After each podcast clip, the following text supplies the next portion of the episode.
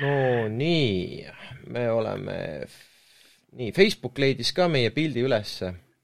ja sõbrad, Facebook arvab, et me oleme laivis, nii et äh, palju õnne meile kõigile, meil läks nii kaua aega spordinädala selle nädala topi kokkupanemisega, aga oli ka, oli pingeline Äh, palju asju juhtus ja, ja, ja meil on ka koosseis täiesti uus, et meil on ju äh, noh, mina, mina olen varem olnud, aga meil on Kiisu on liitunud meiega, ehk siis Priit Veeroja ja Martin Malm, Eesti kõige tunnustatum spordi- ja gei-ekspert. Nii et, et täna me sellises koosseisus lähme siis peale ja vaatame, mis meil siis teeme nii, et võtame esimesena spordinädala topi ja siis vaatame, kas meid ka muid põletavaid teemasid on lõpus, et meil on ka fännide küsimusi tulnud ja ja aga, aga oluline on ikkagi see, et, et saaksid äh, nädala põhisündmused kajastatud, aga võib-olla hakkame sealt äh, nagu esikümne ah, joone alt äh, hakkame äkki pihta, et, et ma vaatan avas siin..., avasõnadeks ei saagi eetrit või, et sul ei ole mõtet anda ju. ma just äh, tahtsin, tahtsin veel öelda, et, et äh, nagu sa ise oled oma seda saadet kiitnud, siis tänane on suurepäraseks näiteks, et absoluutselt igaüks võib siia rääkima tulla. et äh, see on nagu ajalehetoimetustes on see, et kes viimasena tööle jõuab ajakirjanikest, see peab horoskoobi valmis kirjutama, et nii on, meie, meie, me ka ajasime tagasi kõiki, Jürka ja Aare olid oma tsiklitega hädas ja nüüd äh, Priit, äh, ma ei tea, kuidas sina oled valmistunud selleks äh, spordinädala kokkuvõtte tegemiseks, et äh, pikalt said ma... teada, et sa tuled rääkima meiega? tegelikult ma valmistusin kõvasti ette, et ma ei hakanudki sellepärast tsiklit täna garaažist välja ajama, et muidu oleks nagu Jürka ja Aare lõpetanud.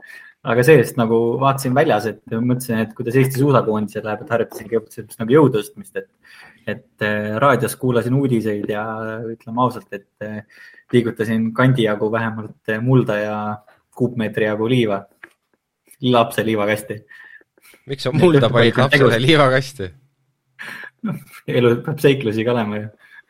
no normaalsed seiklused, aga, aga sa tahtsid suusatamisest rääkida, aga meil suusatamine ei saanud punkte, et Aivar Rehemaa jäi meil kolmeteistkümnendale kohale üldse sellel nädalal Eesti suusakoondise uus peatreener vist.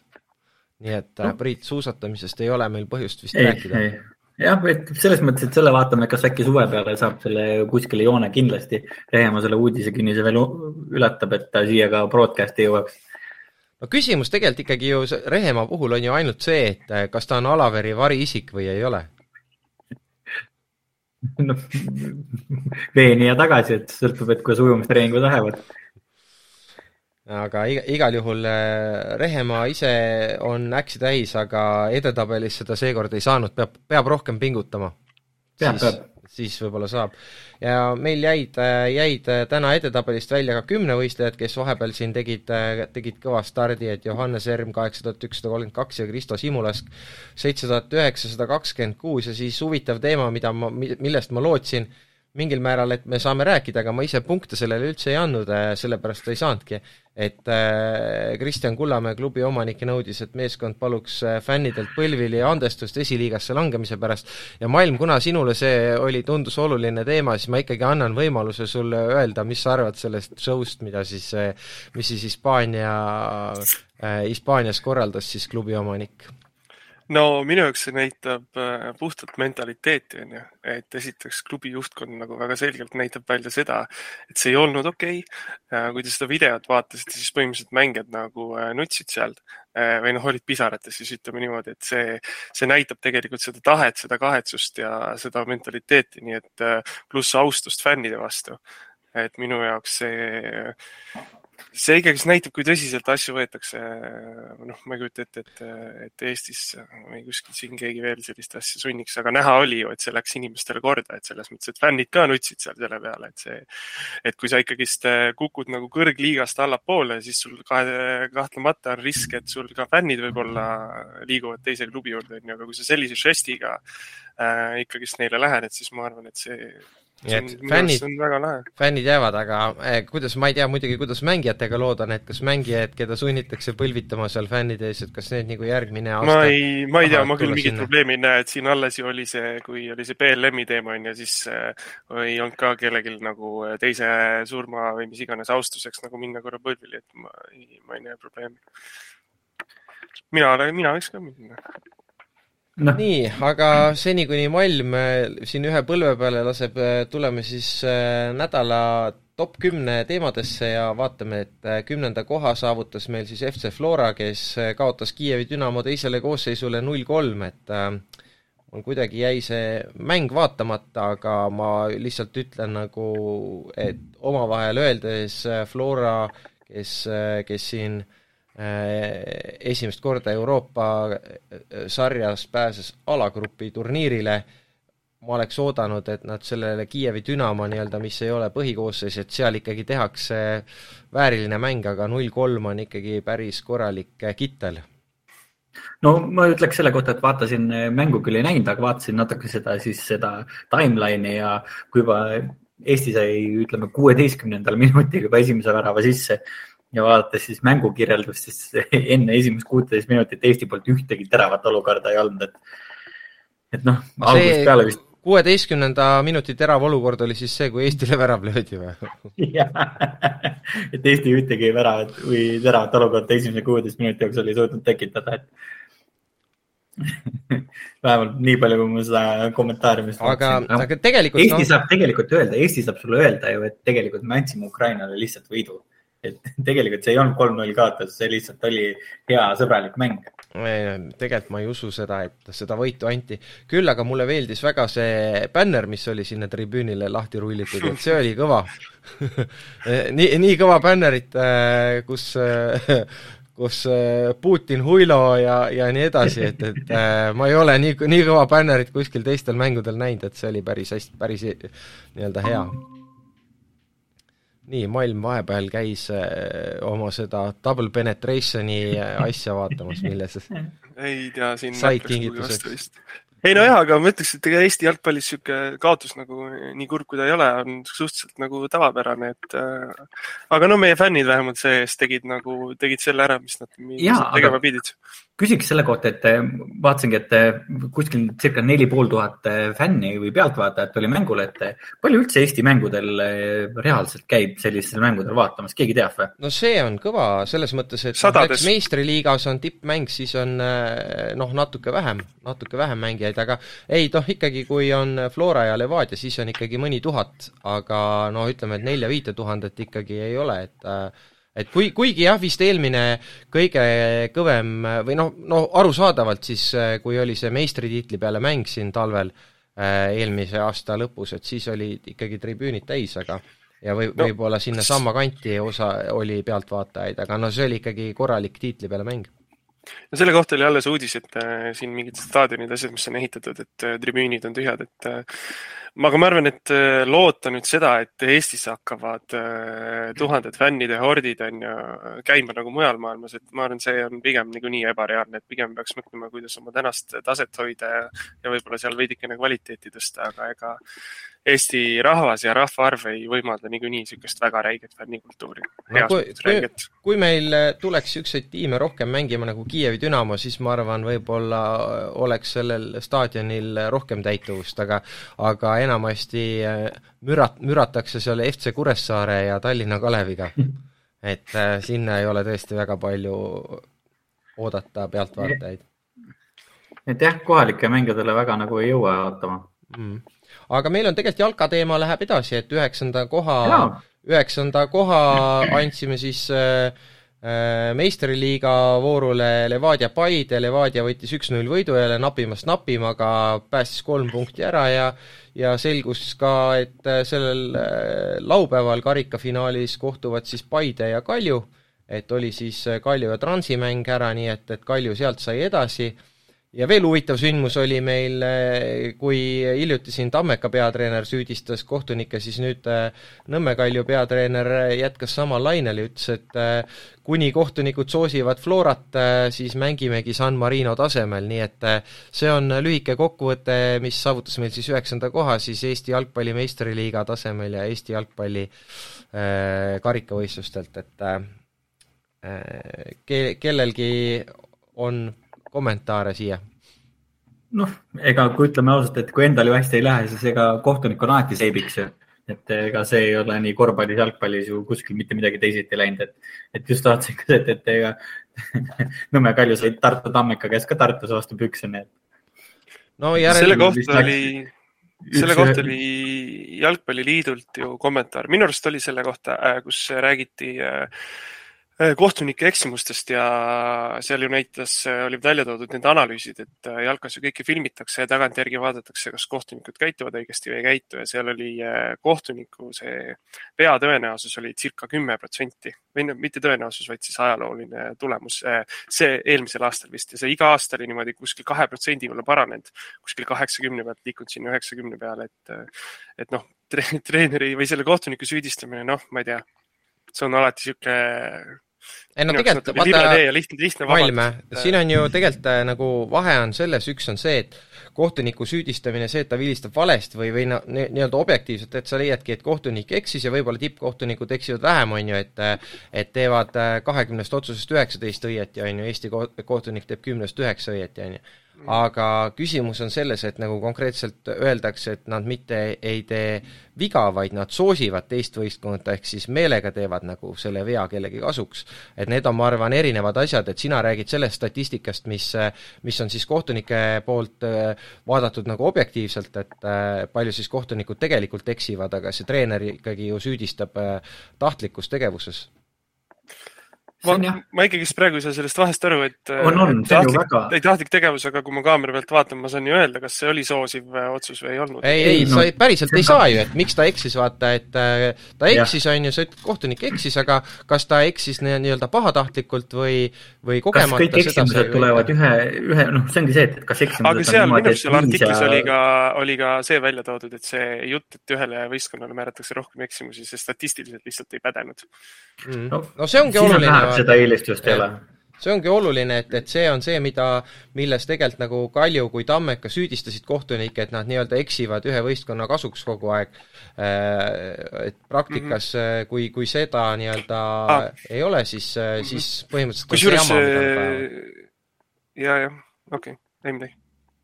aga no Eh, aga näitame siis eh, ka, et eh, nädalavahetusel on meil tulemas siis ju Eesti karikafinaalid, et nagu ütlesime, siis meestes karikafinaalis omavahel Paide ja Kalju ja naistes Flora ja Tallinna Kalev, et mis me siis ennustame, kes siis karikavõitjaks tulevad jalgpallis, et saame järgmine nädal näha, kui kõvad eksperdid me siis oleme. no mina ütleks, et noh, Flora on siin alati nagu häid tegevusi teinud, et eh, panustaks Kalju peale, et eh, kui juba kohtunikku on nagu öeldud, et eh, eksib, et äkki nüüd on, õpitakse vida, vigadest, et avalikult, et siis äkki tuleb nagu võit ka ikka ära. panustan nagu sellisele mustale hobusele, kes tagantpoolt tuleb. nii, Malm, sinu eelistused? puuduvad ma olen nagu selles mõttes. sa ei julge isegi pakkuda? Ulja kirja visata. ikka tõmbad ju ühe numbri. maailm läheb võistkonna kaptenina ja siis kohtunik ütleb, et, et äh, kas vasak või parem käsi ja siis maailm ütleb, et mul eelistus puudub üldiselt tal nii lähebki. no mina ütlen siis ära, et, no, äh, et võidab äh, meestest Paide ja naistest Flora. hea pakkumine. jah. aga lähme meie siis kaheksanda Mm, koha juurde ja saame soovida õnne uuele Eesti olümpiavõitjale.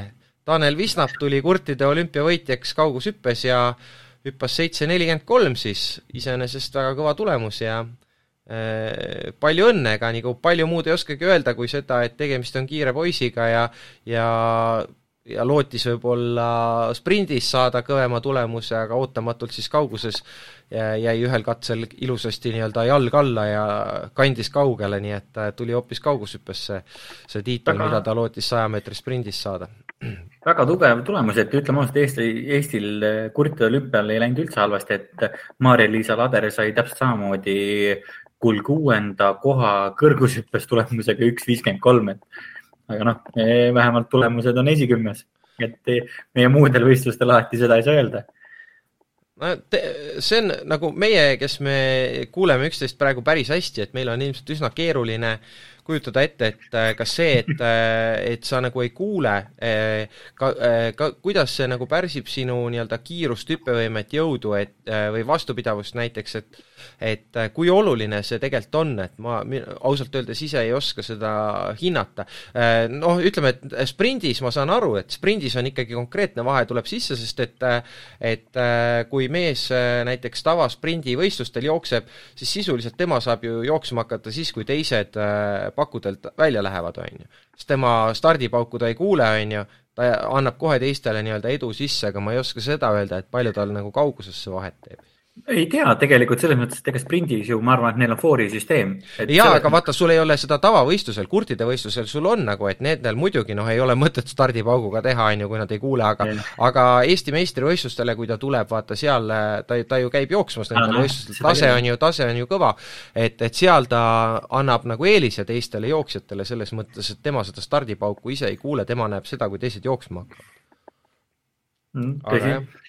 Tõsi samas Visnapi kohta tuleb öelda ka, et kui ma loen uudist, et läbi aegade teine tulemus, et selles mõttes noh, mitte ainult ei ole nagu isiklikult, isiklik nagu tippmark, aga ka nagu medal, aga lihtsalt ka nagu öelda, et läbi aegade teine tulemus, et kui mõni eestlane saab läbi aegade teise näiteks saja meetri sprindi tulemuse, et see on nagu tegelikult ju väga kõva, et mõnes mõttes ma ütleks, et kui eestlane jõuad tiitlivõistlustel esikolmikusse ja teed oma tippmargi, siis ma arvan, et see on inimese kohta nagu üks kõige paremaid saavutusi.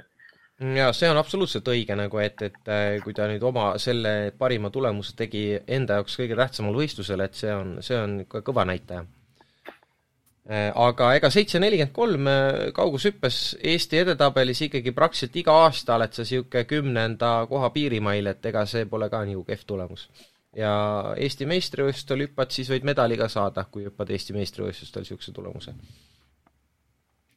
aga vaatame edasi, et äh, seitsmendale kohale jäähoki MM on alanud äh, ilma Venemaata ja Valgeveneta ja küsimus siis teile, kallid sõbrad, et äh, kas ilma Venemaa osaluseta see võistlus on täiesti mõttetu MM?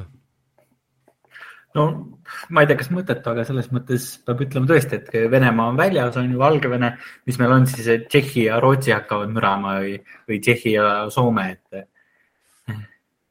noh, samas usakad võta, tulevad, võtavad või mitte? no praegu alguses ütleme niimoodi, et ega Soome nüüd pole olnud üliveenev, aga tavaliselt see näitab eh, noh, et praegu hetkel nad on ikkagi võitnud need mängud, aga äh, olümpiavõitjaga on siis tegemist, on ju, sellel aastal, et, et selles mõttes niikuinii see turniir on nagu nats mõttetum kui võib-olla kui tavalisel aastal on see MM-turniir, aga noh, soomlastel on ikkagi äh, algus on olnud hea, lätlastel ei oleks võib-olla paremat algust soovinud, aga täna nad said ka oma võiduarve avatud, nii et Lätil on ikkagi ka veel võimalused aga noh, jäähoki MM-is ongi tavaliselt, mina ütlen niimoodi, et äh, kõik, mis seal grupimängudes toimub, et enne kahte viimast vooru pole praktiliselt mõtet vaadatagi, et et seal äh, võib Kanada kaotada Kasahstanile ja ma ei tea, mis iganes nalja võib juhtuda, on ju.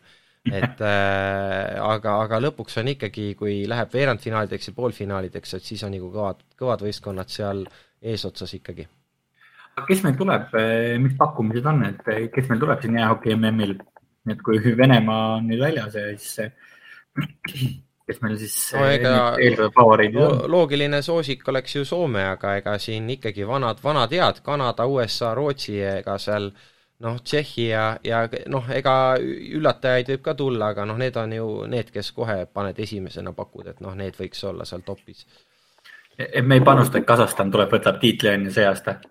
Kasahstani peale ma ei teeks panuseid, ma jätaks ka Prantsusmaa välja ja ka sealt ma ei usu, et, et tuleb Norra ja, ja niisugused riigid, noh. aga ei, eks need on ikka aga Norra, Norra ei ole ju kunagi erilist tulemust teinud ju. ei, maailmameistriks äh, tuleb äh, alati mõni riik, kes on, kes on ka ennem olnud kõva, et, et siin ja. ei ole kahtlust. siin ei ole kahtlustki aga ma ei, mina ei näe küll selles mingit äh, suurt probleemi, et seal need kaks riiki nüüd jäävad välja. noh, selge, et tegemist oli tugevate riikide, aga, aga ma ei tea, kui ma ütleks, et meil on korvpalli mm ja nagu USA ei mängi, onju, siis noh, see mõjutab, aga samas ma ütleks, et äh, see ei tähenda, et siis konkurents on sellepärast nüüd ära kukkunud, et äh, konkurents on ikka väga tihe. ja ma arvan, et see samasugune probleem nagu meil jäähokis on see, tuleb kõik palju, väga paljudes muudes spordialades samamoodi, kus Vene võistlejad jäävad välja, et et no sorry, võistelge siis omavahel, et. Äh, ega nad võistlevadki, ma ei. venelased ju, venelased esitasid ju suure triumfi aruande, kuidas Rahvusvaheline Jäähokiliit on saanud põhimõtteliselt endale näppu lõiganud, sest venelased ikkagi võitsid rahvusvahelisel turniiril kus nad mängisid Valgevene ja siis mingi, ma ei tea, kelle, kellegagi veel umbes võitsid no, selle turniiri. vaadake, selles mõttes, et nagu praegu nüüd see sõjaolukorras nad on nii-öelda välja visatud, aga vaadates ajalooliselt kõiki neid suuri massiivseid süsteemseid dopinguprobleeme, mis seal on olnud nagu, siis nagu noh, ma ei tea, võib-olla, võib-olla siis nojah, üks see asi ja teine asi see, et nagu võib-olla kui me esitaks kui vähe süsteemsemalt oma selle dopingusüsteemi äh, laiemalt veel võtaks ette kui Alaver on ju, siis võib-olla me võiks ka hakata jäähokis mängima esikolmikusse on ju. meil on lihtsalt neid, äh, meil on neid nagu salajasi treenereid ja arste puudu. suusatamises meil dopingusüsteem toimis, mehed olid tipus on ju, paneme teistel aladel asja samamoodi käima noh. Alaver jäähokikoondise treeneriks ja hakkab tulema meil ka. praegu on nagu piinlik lugu on see, et Soome ja Läti müravad seal omavahel äh, Äh, mängivad kõvasti ja Eesti hoki võit-, rüseleb kuskil kahekümne kolmanda, neljanda koha peal maailmas, on ju. et kui oleks Alaver meil treener, siis, siis hokist võiks saada nagu asja ka meil. ma arvan, et Alaver peaks üldsegi sinna olümpiakomiteesse minema, et see sõõrub niikuinii kahe aasta pärast. ta oligi, aga, aga nüüd mille, millegipärast ikkagi rahva survel nagu hääletati Alaver välja sealt, et ta oli täitevkomitees minu arust, aga, aga nojah, vaata see ongi see, et Sõõrumaa ise palustada sinna veel. kahjuks rah-, rahvas peab nagu rohkem lugu eetikast ja väärtustest kui tulemustest, et noh, siin ongi selge väärtuskonflikt, et mis meie jaoks siis oluline on, et kas ausus või, või tulemus no matter what hinnaga nagu. ütleme ausalt, et tegelikult ütleme, et kuna Alaver on juba enda maine ammu ära kaotanud, siis et meie jäähokikoondist üles saada, siis ma arvan, et Alaver peaks tegema oma nagu väikse nagu siukse filiaali kooli nagu on Audentes ja siis dopingukool või? jaa, täpselt nagu selles mõttes, siis tulevad tuleviku mhm. värsked mõtted ja teada, kust juba nagu ämbrisse astutud on ju. ärijuhtimist ka vaja juurde. kuidas, kuidas ehitada nagu võrgustikku üles, rahvusvahelised suhted ja seal on kõik oluline. Sinna võiks veel mõne püramiidskeemi inimese ka veel võtta, et siis vaatad nagu raha ka tulemas sisse, et ei ole nagu investorit jah, kooli vääratakse liikmeid püramiidsüsteemi alusel, ole hea, tule õppima, pead ise, anna mulle kaks tonni näiteks. jah, ja võta kümme õpilast veel kaasa, et mm. iga pealt saad ühe protsendi ise tagasi, onju.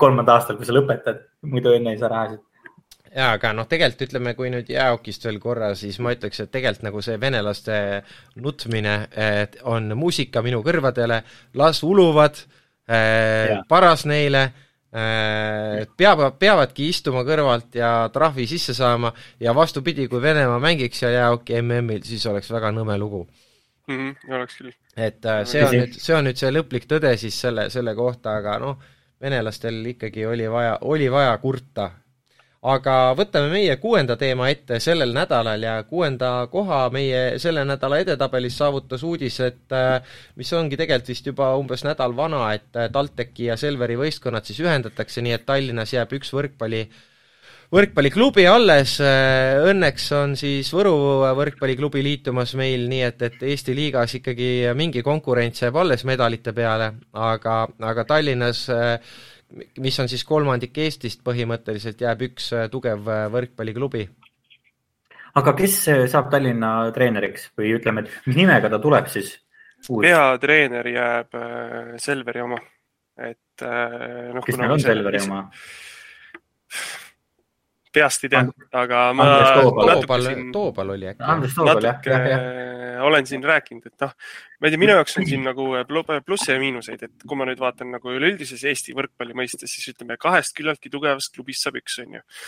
et üldisele võrkpalli nii-öelda süsteemile oleks võib-olla parem, kui meil on rohkem tugevaid klubisid. nüüd, kui ma vaatan TalTechi perspektiivist, on ju, kus ma ka ise olen seotud, siis teistpidi meie võrkpalliklubi saab selgelt tugevamaks, et sinna tulevad noortesüsteemid alla. Selveris oli, ma ei tea, minu arust Käbin ütles mulle mingi circa tuhat last, kes treenivad, jah, kui ma nüüd ei eksi, on ju. et selles mõttes meie mõistes see süsteem kindlasti läheb äh, tugevamaks. Äh, tulevad ka mingid inimesed veel, minu teada lisaks peatreenerile tuleb seal veel on ju inimesi, kuna meil mänedžer Uku Rummi läks ära, on ju, siis äh, võimalik, et ka see koht täidetakse Selveriga ja nüüd kui üle, üle, üleüldse laiemalt nagu seda TalTechi äh, spordiklubi pilti vaadata, siis meil ju nagu minu arust eelmises või üle-eelmises saates rääkisite ka sellest, et äh, tegelikult meil ehitatakse nüüd jalgpallistaadion äh,. tuleb ka Tallinna Kalev tuleb meile, et siis me saame justkui sellise väga tugeva spordiklubi, kus on tugev jalgpalli pool, tugev võrkpalli pool ja noh, korvpalli pool juba oli enne ka tugev. kas põhimõtteliselt TalTech varastab lihtsalt teiste sportlased ja klubid ja kõik võtab endale? kas, kas teil nagu häbi no, ei ole või? Ei, mis siin selles mõttes häbi on, et eks äh, kes ei tahaks nagu võitjate ja tugevatega koos olla, et äh, ise teeks aga nagu kas veel, lubadused nagu... maailma areenile ka minna on või?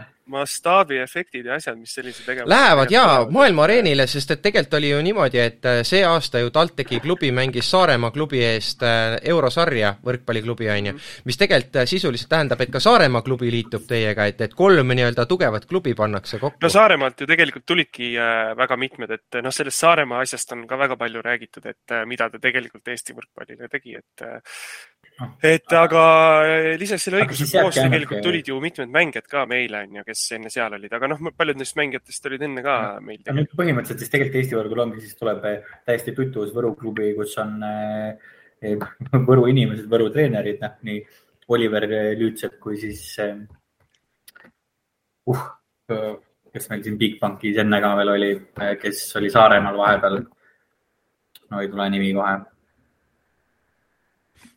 sina põline, põline Urmas, Urmas Tali mõtled sa, jah? Urmas Tali jah, et ja., et selles mõttes nagu Võru tegelikult tuleb väga kõva klubiga, et Urmas Tali ja Oliver Lüütsepp selles mõttes tulemas võrkpalliklubiga. kindlasti ja, top kuus Eesti klubidest ja, ja pean tunnistama ausalt, et juba viimased pool aastat ma tegelikult vaatasin, et, et Võru poisid, kõik, kes on nagu noh, ära käinud maailmas, natuke ringi reisinud, töötanud, järsku hakkasid ulmelt pommitama, siis ma mõtlesin, et noh, promo tekkis taha mängudele ja et Võru saalid tegelikult tekkisid nagu täis, et äratati seitsmekümnendatel ehitatud saalid nagu üles elama, noh, kus muidu mänge ei toimunud.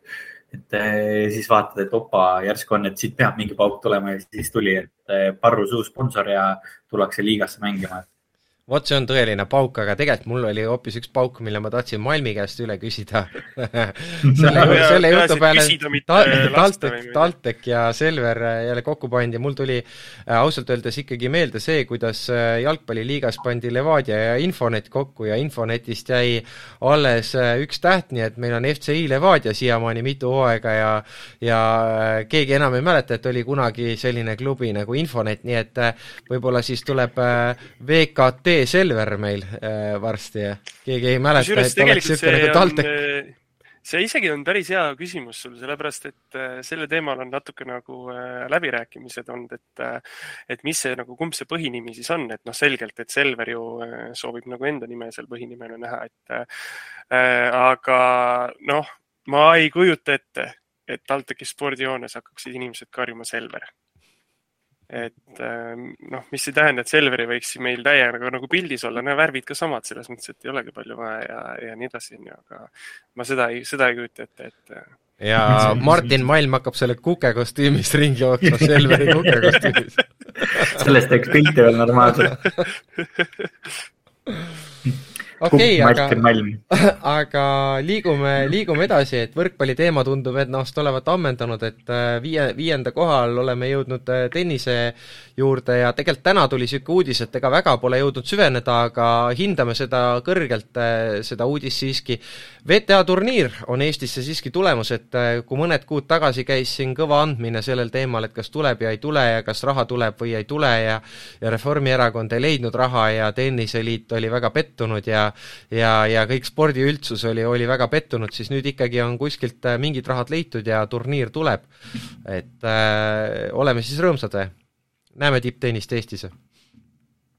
No kindlasti, ma arvan, mina tenniseharrastajana kindlasti väga nagu äh, olin, oli hea meel selle üle, aga minu jaoks siin on nagu kaks pointi. et see, et see turniir tuleb, näitab, kuidas Eestis tennis areneb, et meil on siin tipptennisistid äh,, naist, naisterahvad ja nüüd me saame veel turniiri ja nii edasi, see näitab nagu meile seda ajajoont, kuidas see ala siin areneb. teine asi on see, et riik väärtustab selliseid asju. nüüd muidugi see, et äh, iga kord on see kemplemine, et kes saab ja kes ei saa, ma arvan, et siin tegelikult peaks riik tegema lihtsalt mingi fondi näete, siin on mul viis milli igaks aastaks, on ju, ja konkurentsipõhiselt siis antakse välja, sest et meil on seal Rally Estoniad ja asjad, kes saavad, on ju. majandustasuvuse no, järgi. see, kui, kui iga kord on, noh, nüüd on mingi võimalus ja siis minnakse valitsuskabineti jutule, on ju, siis noh, tõesti valitsusel on olulisemaid asju, millega tegeleda, ma arvan ka, et me ei peaks nagu seda, selle peale aega kulutama, aga selle jaoks oleks vaja mingi kultuuriministeeriumisse spetsiaalne fond, kus on see raha ja siis mingid inimesed panevad need taotlejad paremusjärjestusse, on ju, või mingi konkurentsi või mingite kriteeriumite alusel ja siis saavad, noh, ma tean, minu arust Ironmani ka toetatakse äh, päris hästi, onju. sest et noh, seal on ka hästi oluline see rahaline väärtus, mis tegelikult majandusse tagasi tuleb.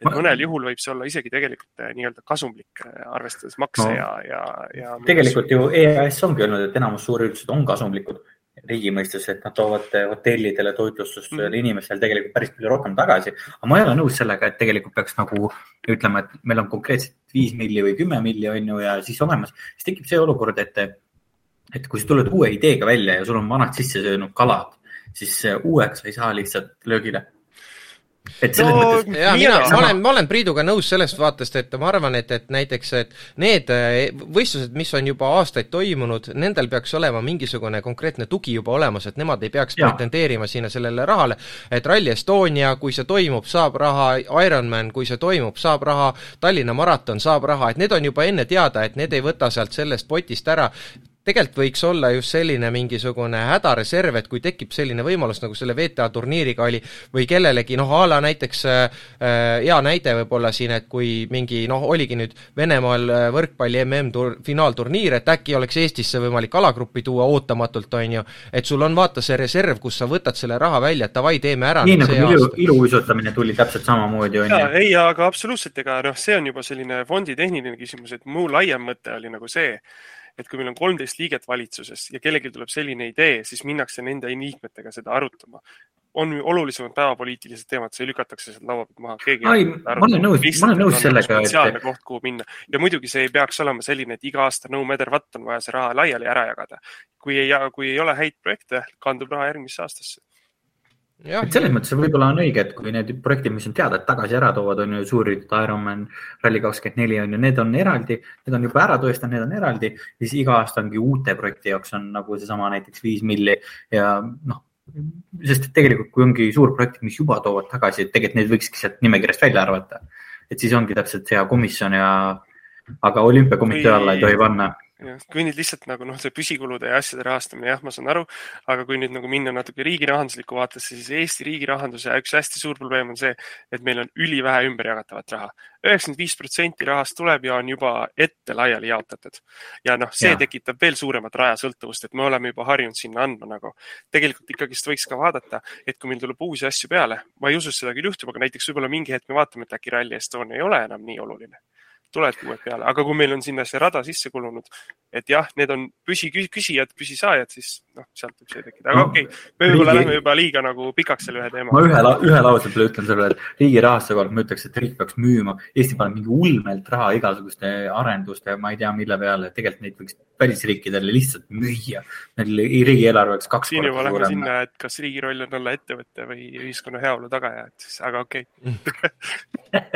siin on täiesti erinevad maailmavaatelised küsimused. saame ju selle selgeks teha, aga kas me, kas meie tippmängijad mängivad ka sellel turniiril, siis ma saan aru, et ikka lootus on, et nad mängivad, ega muidu vist ei oleks ju mõtet äh, seda naistest arvatavasti saab, aga kas meestest keegi peale saab? ei, aga see on WTA turniir niikuinii, see ongi naiste turniir, ma saan aru, et seal ei olegi, meeste turniiri ei ole aga no, ma, eh, no ma lootsin, ma lootsin. ei, Priit, et eh, meestest saab Martin Malm ainsana sinna peale, aga eh, veel tegelikult meile oh, nädala topi, nädala topi sees ei ole seda, aga lihtsalt kuna meil on ükskord lõpuks üks tennise tõeline ekspert ka siin laua taga, siis ma lihtsalt tahtsin küsida, et kui kõva sõna see Mark Lajali võit oli, et Mar- äh,, Mark Mark Lajal võitis siis rahvusvahelise tenniseturniiri väidetavalt siis noorima, noorima eestla-, Eesti mehena või?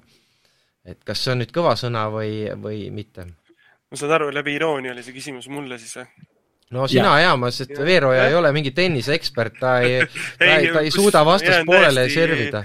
Jään täiesti vastuse võlgu, et minu äh, huvi on harrastaja tasemel, ma Instagramist vaatan neid riile, kus keegi teeb mingi hea löögi tennises ja ja siis nagu see sellega kinda nagu üritad, et... üritad järgi teha või? siis üritan järgi teha. ilusaid naistennisiste sul... vaatad ka kindlasti, aga neid äh, no see on kahtlemata üks põhjus, miks tennist harrastada. sina vist vaatad mehi pigem, aga ilus, ilus naistennisist. no see on nagu siin erinevate teemadega meil elus on, et äh, hommikul on üks, õhtul on teine. aga siis kellele ikkagi... lihale, kelle kala, jah. et kas see, kas see Alcaraz nüüd võidab Prantsusmaa lahtised, on veel viimane küsimus. saad, saame ennustada keegi ei ütle midagi. noh. ma ei tea mitte midagi. või, või ikkagi Nadal. ei, hea küll, olgu. võtame hoopis äh, järgmise tennise teema, sest meil on neljandal kohal ka tennis ja Kontaveidi vorm on langusteel, Madridis kaotus teises ringis, aga edetabeli koht jätkuvalt ikkagi karjää-, karjääri parim, nii et äh, edetabelis ta veel ei kuku, aga aga mänge ei, ei võida enam. no väidetavalt vist haigus või? oli küll, jah. Pole aga... haigust taastanud, tavaline Eesti suusavorm ju. Malm, sina kui tenniseekspert, et mis sa siis arvad? mina kui tenniseekspert, ma tahaks, kõigepealt ma ütlen seda, et Priit on siia mingid suured punktid pannud, mina tahaks öelda, et see on täiesti mõttetu, mõttetu teema üldse. me oleme mures, me oleme mures, see on, Kontaveit on Eesti parim kõik..., parim sportlane peaaegu ja, ja ta, tal ei tule välja. kui sa küsisid mult, siis ma, siis ma räägin, et, et Kontaveidi vorm on langustrendil, no ma ei tea, elame lihtsalt talle kaasa nagu, et et, et mis meil kellelgi läheb nüüd natuke kehvemini, siis teeme sellest uudise, ma ei tea, kes siin ei ole midagi rääkida. kui keegi ütleb, et ta loobub, räägime siis, aga on sportlaste karjääris on tõuse, langusi, ma arvan, et siin teie teate isegi paremini kui mina sellest. ma selles mõttes arvan, et. tõusudest, meie teame ainult tõusudest uudise mõistes see tõesti ei ole nagu mingisugune uudis, aga samas kui VTA turniir tuleb Eestisse ja siis tuleb vaadata ja tegelikult innustada, et Anetil läheks paremini, kuigi mõnes mõttes peaks ütlema, et võib-olla peaks Eesti sport, või ütleme spordiajakirjanikele ütlema, et Aneti teema võiks üldse maha võtta, et ärme pane talle pingeid peale. et eh, las ta. millest nad, millest nad siis kirjutavad? ei no selles mõttes nad võivad reemast kirjutada, kui tahavad. vot see ongi see, et, et eh, noh, arusaadav, inimesed emotsionaalselt elavad kaasa, et eh, Kondaveitil, Kondaveitil läks ülihästi, on ju, tõusis maailmas, siis kõik davai, davai, et nüüd kohe paneb esikohale, aga eks see ega see ei ole nagu päris nii ja siis, kui ongi nüüd natuke aega ei lähe, siis noh, ajakirjanikud ka, et kurat, millestki peaks kirjutama, midagi ei ole, onju horoskoobi no. kirjutasin ära, davai, tõmban siit veel mingi uudise peale. ütleme ausalt, et nad tegelikult võiksid kirjutada minu sportlaskarjäärist, et viimasel võistlusel sai neil viimase koha, et selles aga ma arvan, et, no. ma arvan, et Nelli teatajas kindlasti ei võiks sinust rääkida. jah, aga lähme parem kolmanda koha juurde, et mis on äh, väga iseenesest huvitav, huvitav teema, et meil üldse see esikolmik on äh, päris niisugune omanäoline seekord ja ja nädala top kolme äh, kolmas tegija on meil Karolin Kaivoja, kes siis pääses vilistama naiste meistriliiga finaali jalgpallis, nii et meil on üks väga kõval tasemel jalgpallikohtunik naisterahvas siis tekkinud ja otsustasime, et see on nii kõva sõna, et me peame andma nädala top kolme, kolme koha talle mina tõesti Priit arvan, et see tegelikult. Priit pani esikohaks, selle ma jaa, isegi ütlen. mina, mina ütleks, et, et vaadates nagu nädala tulemustest, siis see tegelikult on üks nendest nagu suurtõenäosusest reaalselt eestlane, kes on jõudnud nagu raske tööga ja kes on eh, tugevalt nagu vaeva näinud, siis jõuda nagu maailmas nagu tippu oma töö ja asjadega, et selles mõttes vist vanus on äkki kakskümmend kaheksa, on ju ja nüüd äh, naiste MM-il finaalturniiri, noh. ei ole see MM, vaid ikkagi täpsustan, meistrite liiga finaalmäng. meistrite liiga, ja vabandust, jalgpall ei ole mu kõige tugevam ala, et aga selles mõttes äh, mina ütlen, et ta on tipus ja ta on seal tipus, et jääda, et loodame, et sealt meistrite liigalt tuleb ka nagu hea vilepartii. mina arvan, et see on tõesti selle nädala üks väga-väga headest uudistest tuleb äh, põhimõtteliselt nõus olla, et, et äh, olles ka ise näinud neid jalgpallikohtunikke, kui hingega nad võtavad ja seda asja ja, ja tõesti siin Neeme Neemlaid just alles hiljuti mainis, mainis seda, et üks oluline asi Eesti jalgpallikohtunike juures, mida me ei saa ära unustada, on see, et nad ei ole professionaalid, nad on amatöörid, nad teevad seda asja oma töö kõrvalt ja tegelikult äh, kui siin äh, jalgpalliringkonnad, äh, Tammekad ja Kaljud ja kõik kohtunikke süüdistasid, et need teevad vilet siin kellegi kasuks ja kellegi kahjuks, siis, siis tegelikult Eesti kohtunike tase täna on parem kui Eesti jalgpallimängijate tase. ja see on enam-vähem, no me võime öelda, et see on fakt nii-öelda praegu see on, äh, kui, kui meil läheb äh, meistrite liiga finaali vilistama kohtunik, siis noh, äh, ütleme Tuleb nii, et nõustada. üks, üks eestlane on ka mänginud tegelikult meistrite liiga finaalis, et see oli Klaavan, on ju, nii et noh, et, et võib-olla siis, võib-olla siis oleme niisugune nibin-nabin, ütleme, et on, on ka mängijad, mõni mängija jõudnud sinna sellele tasemele enam-vähem, aga, aga kohtunikke on platsil vähem kui mängijaid, nii et selles mõttes see on võib-olla erilisem ma ütleks oma lühikese kommentaari, äh, kes äh, kuulajatest ei ole vaadanud, siis äh, Betsafe'is Kalev Kruusil on temaga pikk intervjuu, et minu jaoks oli tegemist nagu varem tundmatu isikuga, aga kuulasin ära ja selles mõttes nagu Kalev Kruusi podcast'id ikka on, tunduvalt paremad kui see siin. Oh, me, me püüame, me pingutame ju no aga mis me, mis me teha saame, aga kas sa soovitad, sa soovitad meil kuulata mitte Kalev Kruusi pärast, vaid Karolin Kaivoja pärast ka seda? mõlemad, mõlemad on väga olulised, määravad mm.. Kalev teeb head nalja, pole, pole midagi öelda. aga mm, siis äh, võtame nädala teise koha ette ja äh, nädala teiseks pääses meil Eurovisiooni võitja Ukraina, nii et äh, Euroopa laulude meistrivõistlused ja Ukraina võitis Eurovisiooni ja Eesti oli kolmeteistkümnes, kolmeteistkümnes, Stefan laulis lootusest ja ja lõpetas täpselt äh, võistlejate rivi keskel, ütleme niimoodi, finaalis. ma pean tunnistama, et ma läksin kell kümme magama ära, üksteist ma ei jõudnud lõpuni, ma ei pidanud vastu aga..., ma ei pidanud vastu. aga kindlasti, selles mõttes mõttes elasin kaasa aga no, kas... huvitav, oli ju äh, tegelikult see, et äh, noh, mitte huvitav, seda oli teada. Ukraina võitu ennustati äh, ennustusportaalide poolt juba enne, kui oli teada, mis laul neil tuleb. ja see oli väga huvitav, isegi huvi pärast käisin täpselt enne võistlust või nagu kell üheksa siis algas, ei, kell kümme algas et eh, enne seda vaatasin ka ära ja siis oligi, et eh, Ukraina oli esikohal ja Euroopa enamus ennustus sellest oli Rootsi tegelikult teises koha, teisel kohal et see oli Rootsi on just sarivõitja, muusikatööstus on neil ülikõva tegelikult, aga. aga hea laul oli ka, noh, ega. mina, kui ma kuulasin laulud ära. ütleme, Rootsist ei tulegi siukest vähki nagu meil siin, nagu Leto Svett ja siukest, et noh, et kuradi telekas läheb ise kinni, kui see laul käima tuleb. aga mõelge, Leto Svetti te kõik mäletate. Öelge mulle, mis laul oli kolm aastat tagasi. see ongi, et kuule, Priit, et äh, sa võta oma vemmal paljaks ja jookse ümber Tartu linna, ma garanteerin sulle, et sind ka mäletatakse.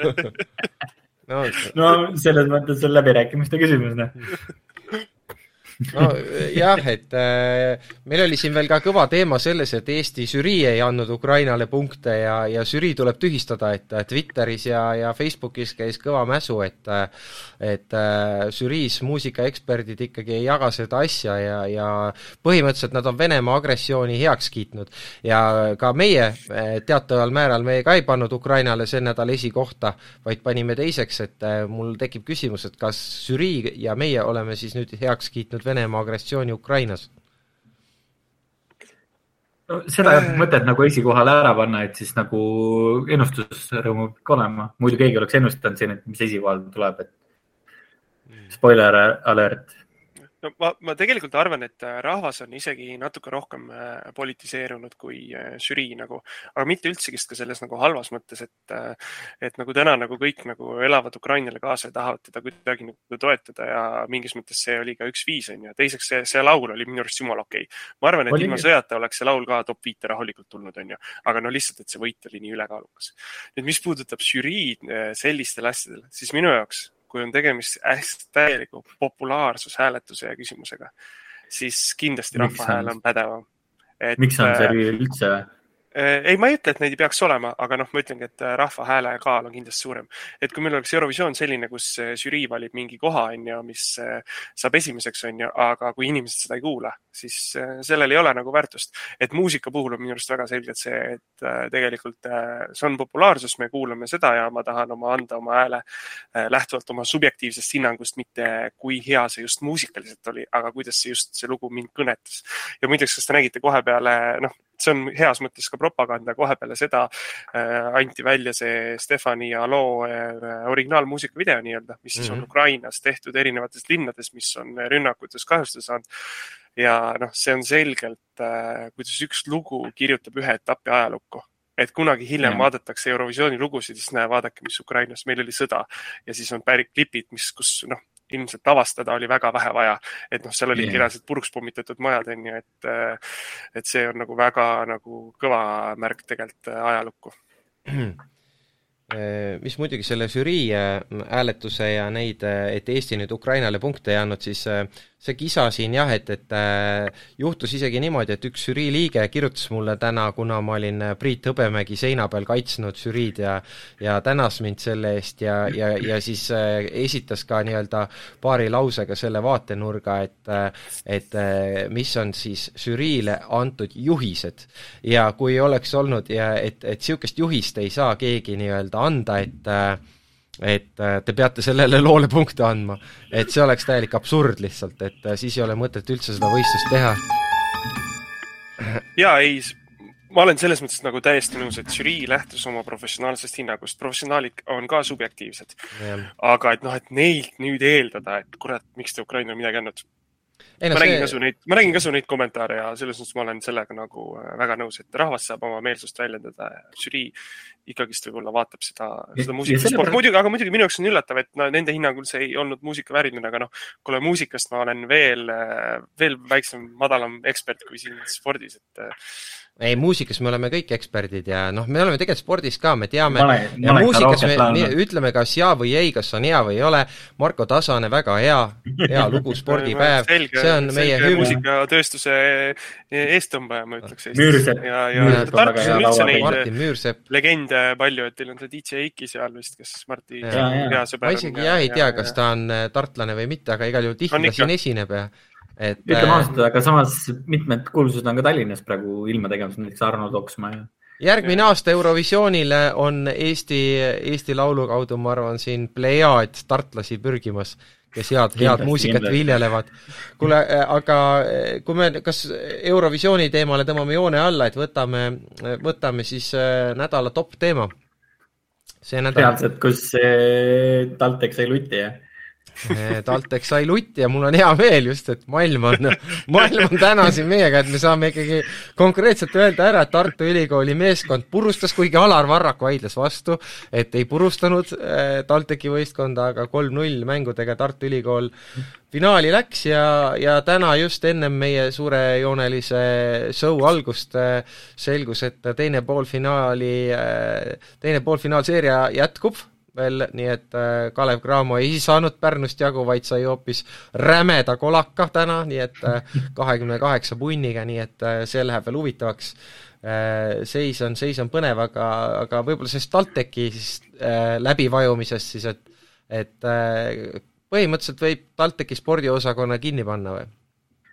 jah, spordihoone no... on, aga nüüd võtame sildi pealt ära või ei no eks ta nagu noh on ikkagist pettumus, et äh, kindlasti paljud vaatajad on siin Delfi äh, ülekannetel mind näinud seal publiku sees on ju, et naljaga öeldes, et äh, selgelt muidugi elasin, elasin kaasa ja tehti ülihea ju tegelikult hooaeg ja ma arvan, et Alar tõi sinna jälle uut hingamist ja, ja nii edasi, aga noh, mõned põhimehed on ju lahkusid meilt on ju äh, ja, ja noh, ega seda kolm-nulli keegi ei oodanud ja ma ei, ma ei teagi, ega ei, ei, selles mõttes ma ei vabanda, ei olegi ühtegi vabandust, ma lihtsalt ütlen. ma olen nõus, et ma ei oodanud ka nagu kolm-nulli. nüüd öeldakse, et noh, nagu öeldakse, et sitt on leivakotis, et jah, ei, kolm-null oli muidugi, tegelikult oli äh, üpris üllatus, suur üllatus, üllatus., jah ma arvan, et nagu Tartu selles mõttes võib-olla nagu tahtis, äh, tahtis nagu võidelda rohkem, et nemad, nad nagu tulid ju Tartu ja alustas, noh, ma ei tea, millal nad esimese võidu said, enne oli võib-olla kümme kaotust, noh, nii umbes. et siis neil tuli ka uus peatreener ja kuidagi pani selle meeskonna käima, eks see tahe ongi vaja nagu üles ehitada, et. kas TalTechil äkki oli see, et hooaja teine pool juba, et nagu hakkasid ära väsima? Mina ei tea, öösel magavad kõik välja, et ma ei, ma, ma, ma ei tea, see on nii keeruline öelda, vaata. hea on muidugi rääkida nendel, kes ise kuskil meeskonnaspordis ei ole kunagi tipus mänginud, siis ei tea. aga kuidas on äh, fännina, mis tunded sul tekkis see, kui sa said? no mina oleks oodanud ka, et meeskond põlvitab ei, ei üldiselt mitte, ei Eesti kultuuris on see, ei Eesti kultuuris on see asi võib-olla. aga veel, et veel keerata seda nuga sinu äh, südamesse äh,, keda ootad siis pronksi mängus äh, rohkem vastaseks, kas Pärnut või Kalev Cramot? see on hea küsimus, aga ma ootan Cramot, sellepärast et Äh, vaatasin ka seda täna Pärnu mängu, tõmbasid peaaegu neljakümnese paki või kolmkümmend kuus või? ei, kakskümmend kaheksa vist oli, üheksakümmend kaheksa, seitsekümmend tundus, oli mängu lõppseis. Okei okay,, võib-olla jah, jah, et äh, ei no aga see, kuidas nagu Pärnu nagu kuradi võitleb, no täielik respekt, et äh, ja kui Tartu ja Pärnu nüüd lähevad nagu kulla peale mängima, no minu arust see, ma arvan, et laias mõttes Eesti korvpallile toob kasu, et eriti just väikestele klubidele, et Tartus niikuinii teil siin äh, erinevad siin arvamuste liidrid on arvustanud teie viimase aja käike, et kui saate nüüd natuke hoogu üles, saate ka sealt äh, mudaliigast jälle välja, siis ma arvan, see toob nagu kasu ja kui. ma ei tea, kas sa arvad, et äh, Tein on äh, õnnelik, et Tein on tegelikult ju kõvasti lammutanud, et, et Tartu Ülikooli on noh, noh, tegelikult oli, ega ta ju ilmaaegu nagu ei lammutanud, et aasta tagasi see kõik oli nagu väga õige jutt, on ju, et meeskond oligi kehv, eks et äh, teine ei ajanud jama, mm, aga, aga noh, tema on ju pannud panused ikkagi sellele, et Rock tuleb tagasi ja ta teeb selle Rocki klubi ja nüüd samal ajal, kui kui ikkagi Tartu Ülikooli võistkond äh, tõmbab rahva saali ja tõmbab käima ja, ja mängivad finaalis ja ja mine tea, fifty-sixty, et äh, võtavad meistritiitli, siis see nagu Rocki tiibadesse tuult ei puhu just.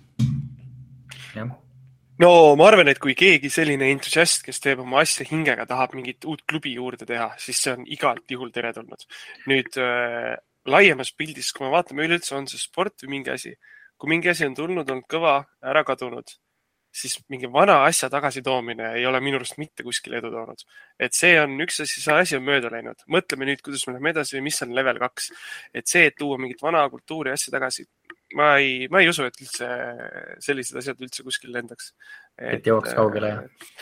No, no et kui... see, see, see ideoloogia juba on vale, et toome mingi vana hea asja tagasi. aga Malme, kui sa just ise ütlesid, et mööda. kui on mõni entusiast, kes tahab, tahab teha ei, nagu ja, ja teine mingis on mõttes see, on ju see selline ei, entusiast. ei, see ongi, ei, respekt, tahab teha selles mõttes, et ma teen uue klubi, on ju, ma ehitan siia eh, noortesüsteemid, järelkasvud, eh, nii edasi, on ju, pürgime meistriliigasse, see on igal juhul teretulnud. ja kui ta tahab seda teha nagu selle nii-öelda noh, et oh, ma tahan mingit vana asja tagasi teha, siis jah, ta võib seda nagu teha, aga pigem tuleks vaadata rohkem nagu tulevikku kui selle peale, mis meil no, oli, mis ei tähenda, et ta ei võiks teha seda asja, ta võiks seda rohkem inimene ka teha äkki tulebki nagu vaat see uhke, et ega ta nagunii samu mängijaid tagasi, sest mõned on juba. no nagu ei tea, Valmo, Valmo Kriisa ju mängib veel, et, et Valmo no, Kriisa saaks ju tuua. Eestis profimängijaid ongi niigi vähe, et, et noh, nagu näha, et TalTech eh, siin soovib kõiki pooli endale. ei no see, mida ta teeb, nagu on jumala õige, respekt siukseid mehi oleks Eestis rohkem vaja. aga lihtsalt, et kui ma ise isiklikult arvan, et selle ideoloogiaga, mida ta seda teeb, et see mingi hetk võib saada talle takistuseks.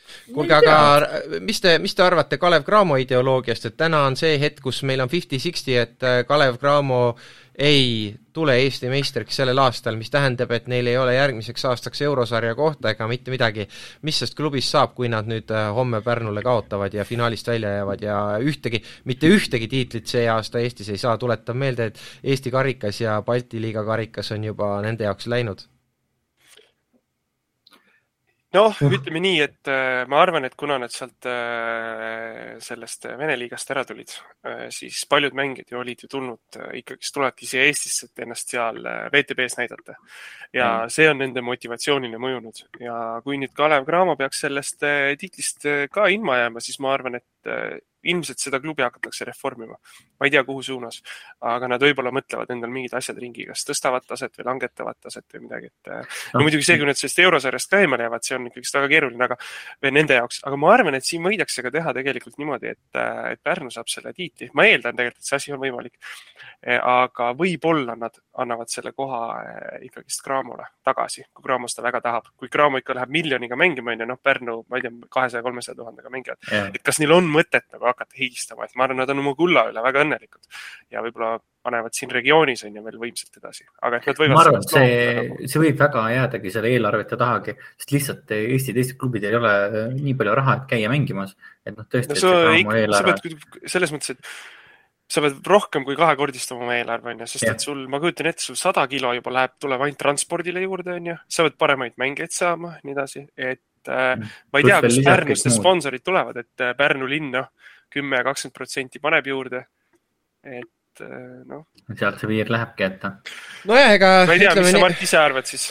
mina, mis ma arvan, et ma ma olen äh, üsna, üsna jah, niimoodi kahe vahel, et, et äh, ühest küljest nagu oleks ju tore näha seda, et äh, Kalev Cramo võiks väikese vaheaasta võtta, et mind ausalt öeldes, mind isiklikult juba ärritab see, et kõik nimetavad seda võistkonda Cramoks, et vanasti on ju kogu aeg Tallinna Kalevist kui kõva, kõva kaubamärk ja täna me oleme jõudnud selle koha peale, kus kõik Eesti ajakirjanikud ja kommentaatorid ja spordisõbrad ütlevad Cramo selle võistkonna nimeks, on ju, ja Cramo ja, no ja. siin on ju tegelikult äh, kaks asja, üks asi on äh, täiesti elementaarne, et meil on ju kaks klubi, mis on Kalevit täna, sa pead kuidagi eristama nagu. ei no, ei, sponsori siis...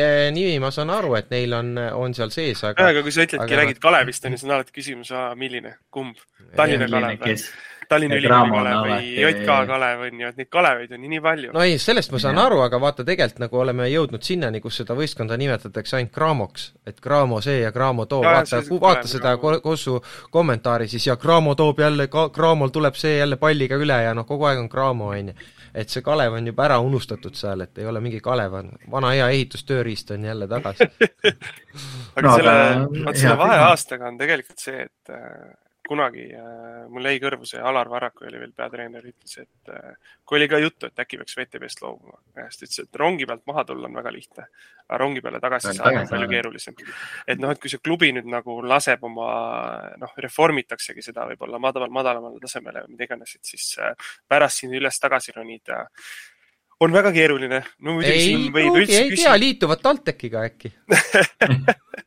Jah, no muidugi teine küsimus on see, et mille üle palju on siin diskuteeritud ju, et, et kas selline klubi on ju, kus on enamus välismängijad ja eestlased mängida ei saa, et kui palju see Eesti korvpallile annab, noh, ma ei tea, siinkohal ma ei oska nagu, jah, jah, et ma ei oska siin väga nagu seisukohta võtta, aga noh, ma arvan, et kui tuuakse mingeid tippklubisid ikkagist meil siin Suurhalli, siis see on tegelikult lahe, noh, isegi vahepeal vaatamas käia, kui Moskva CSKA käis, no seda hakkas Suurhallil täis.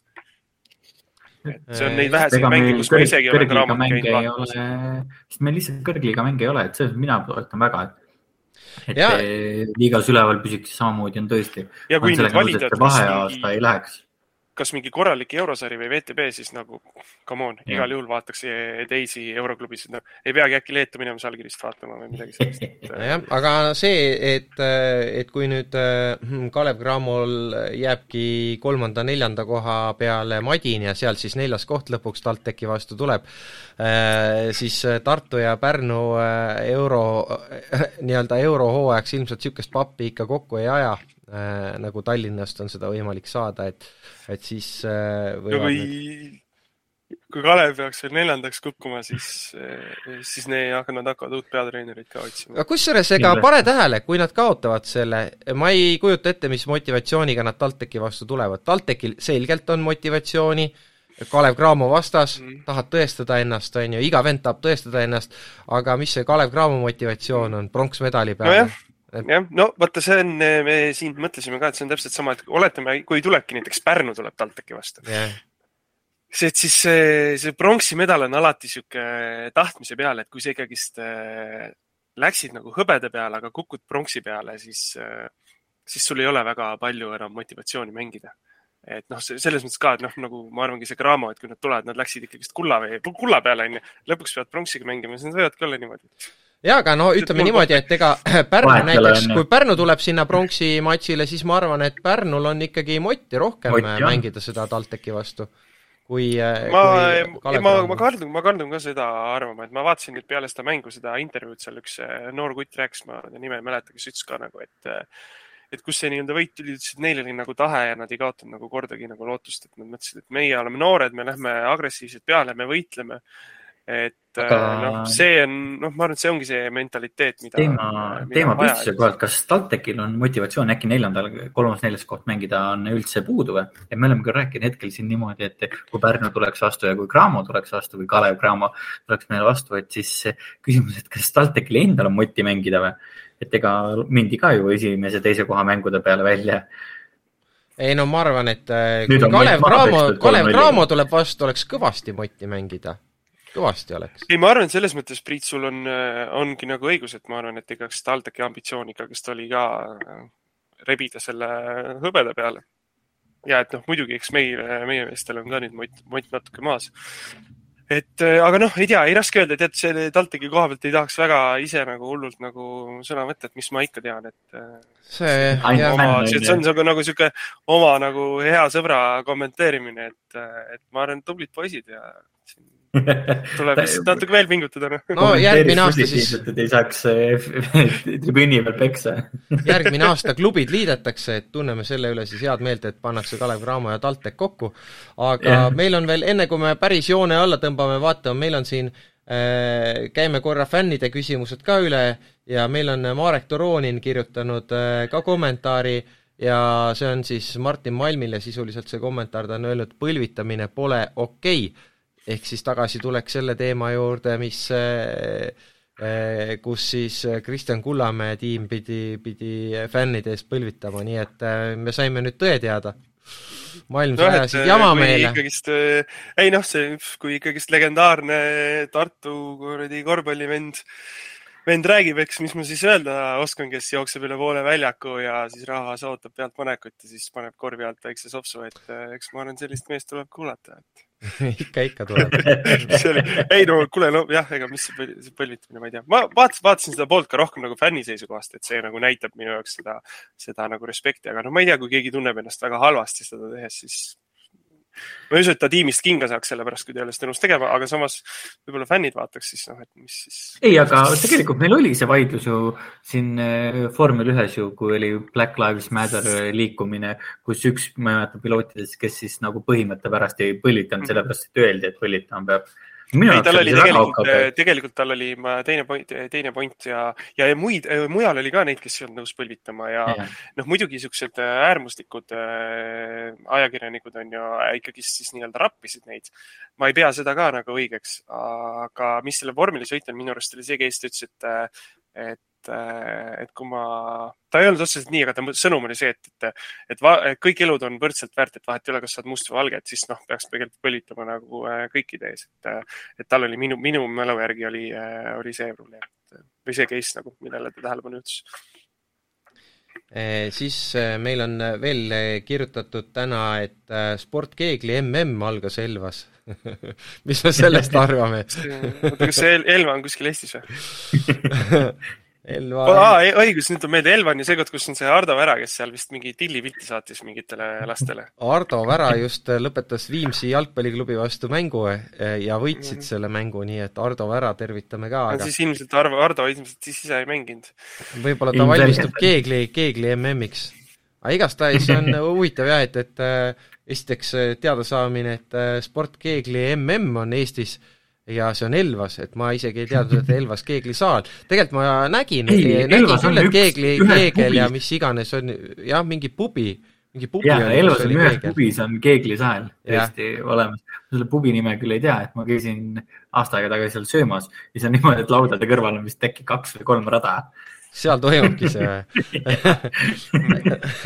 No Hardo võib-olla mängib isegi oma taskus seda keeglit, mu ühe kuuliga, aga taskupiljard ja keegel. mina ei julgenud sinna minna, ma just eh, nädal tagasi käisin ka Elvas, siis ma läksin sinna kõrval olevasse kohta sööma, mis vanasti kandis nime Vapper Mäger ja eh, kolmas Eesti või midagi siukest. Eesti parim pubi nimi kurat, see kolmas Eesti on jah päris hea, et eh, siis äh, Tanel Kaseorg kiidab meil Kristo Simulaski seitsme tuhande üheksasaja kahekümne kuue punkti tegemise eest, mis on tubli, aga äh, MM-ile ta ikkagi tõenäoliselt ei ole kandidaat, et ta parandas kõvasti oma rekordit ja vaatasin ka, et et juba kahekümne nelja aastane on, nii et ta on Tanel Kaseoruga siis samaealine. Enam-vähem. mulle meeldib, et sa Taneli vanust tead otseselt ma täpselt, noh, ma niimoodi umbes ütlesin, et, et Tanelil on ka kõvad variandid. Ja siis äh, ka Maria-Helene Lisette Kikas on kirjutanud, et laupäeval on klubi jalgpallipidupäev, ehk äh, seda me juba ütlesime ära, et Tallinna Kalev kaotab Florale finaalis, et äh, selle me, selle me hindasime ära, et Tallinna Kalevi naiskonnal ei ole varianti võita ja siis Rain Seepõld küsis Aare Jamneselt, et, et Kõrvemaa kevadjooksu kohta ja ja küsis ka minu käest ja ma vastan siis ka Rain Seepõllule, et jooksin kuusteist kilomeetrit Kõrvemaalt ühe tunni ja kahekümne minutiga, mis teeb täpselt viis minutit kilomeetri kohta, nii et see oli see saavutus, mille ma seal Kõrvemaal siis sain. aga, aga jõudsime tiiru peale käia, käia meie tohutute fännide küsimustele. et tõmbame joone alla või? Tõmbame joone alla. tänud, mehed no.. mis siis ikka, eks jõudu kõigile ja head spordi tegemist. jah, no. uuel uhkel spordinädalal. tšau. tšau.